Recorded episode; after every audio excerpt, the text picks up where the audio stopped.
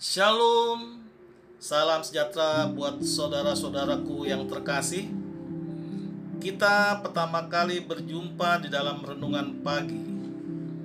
Saudara-saudari sekalian, mari kita mendengar firman Tuhan.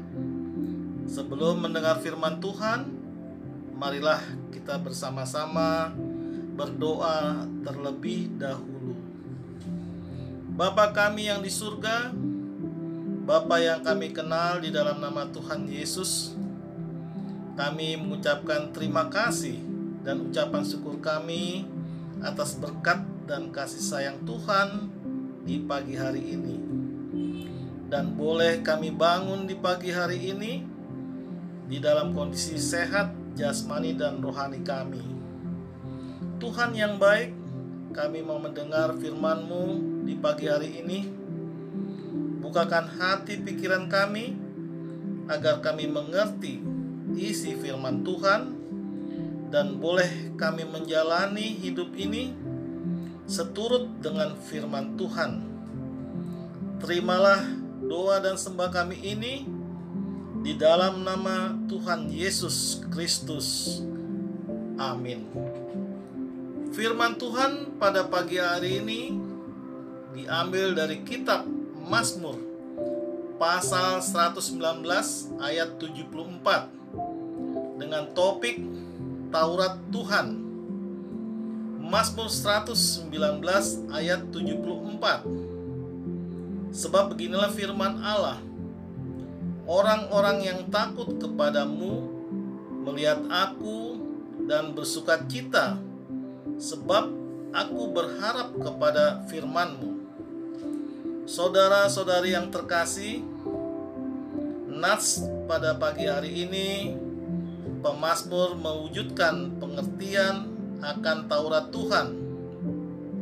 Tindakannya yang bisa dilihat orang lain bahwa ia pemazmur adalah orang yang gemar terhadap perintah Tuhan dan bisa membuat orang lain menjadi berbalik taat pada perintah Tuhan dan bersuka cita.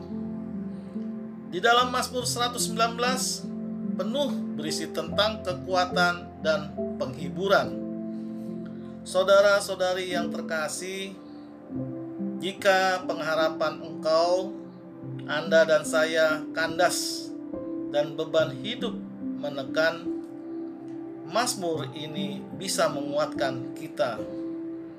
Juga tentang Mazmur 119 di dalam pasal tersebut ayatnya terpanjang di dalam Alkitab sebanyak 176 ayat. Lirik lagu rohani berasal dari Mazmur 119 salah satunya firmanmu itu pelita bagi kakiku. Mazmur 119 ayat 105. Saudara-saudari yang terkasih, pada pagi hari ini kita diingatkan bahwa Alkitab berisi firman Tuhan bukanlah mantra yang sakti atau buku kuno yang berisi koleksi kata-kata indah dan pengisi rak buku. Bila diajukan, firman Tuhan tidak berpengaruh apa-apa di dalam kehidupan namun, saat kita membacanya sedikit demi sedikit, satu demi satu kitab, barulah kekuatan firman Tuhan itu tampak. Isinya kekuatan dan penghiburan di dalam menjalani hidup, serta janji-janji Tuhan yang akan kita terima. Tuhan Yesus memberkati. Amin.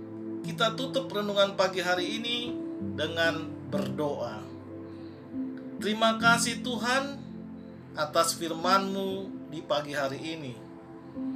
Ajari kami ya Tuhan agar kami selalu setia dan selalu percaya kepadamu di dalam kami menjalani kehidupan kami dan aktivitas kami sepanjang hari ini dengarlah doa dan sembah kami ini di dalam nama Tuhan Yesus Kristus. Amin. Saudara-saudaraku yang terkasih, marilah kita selalu mengucapkan syukur di dalam hidup ini. Dan kita percaya renungan pagi hari ini menjadi sumber berkat dan sumber kasih untuk kita. Shalom.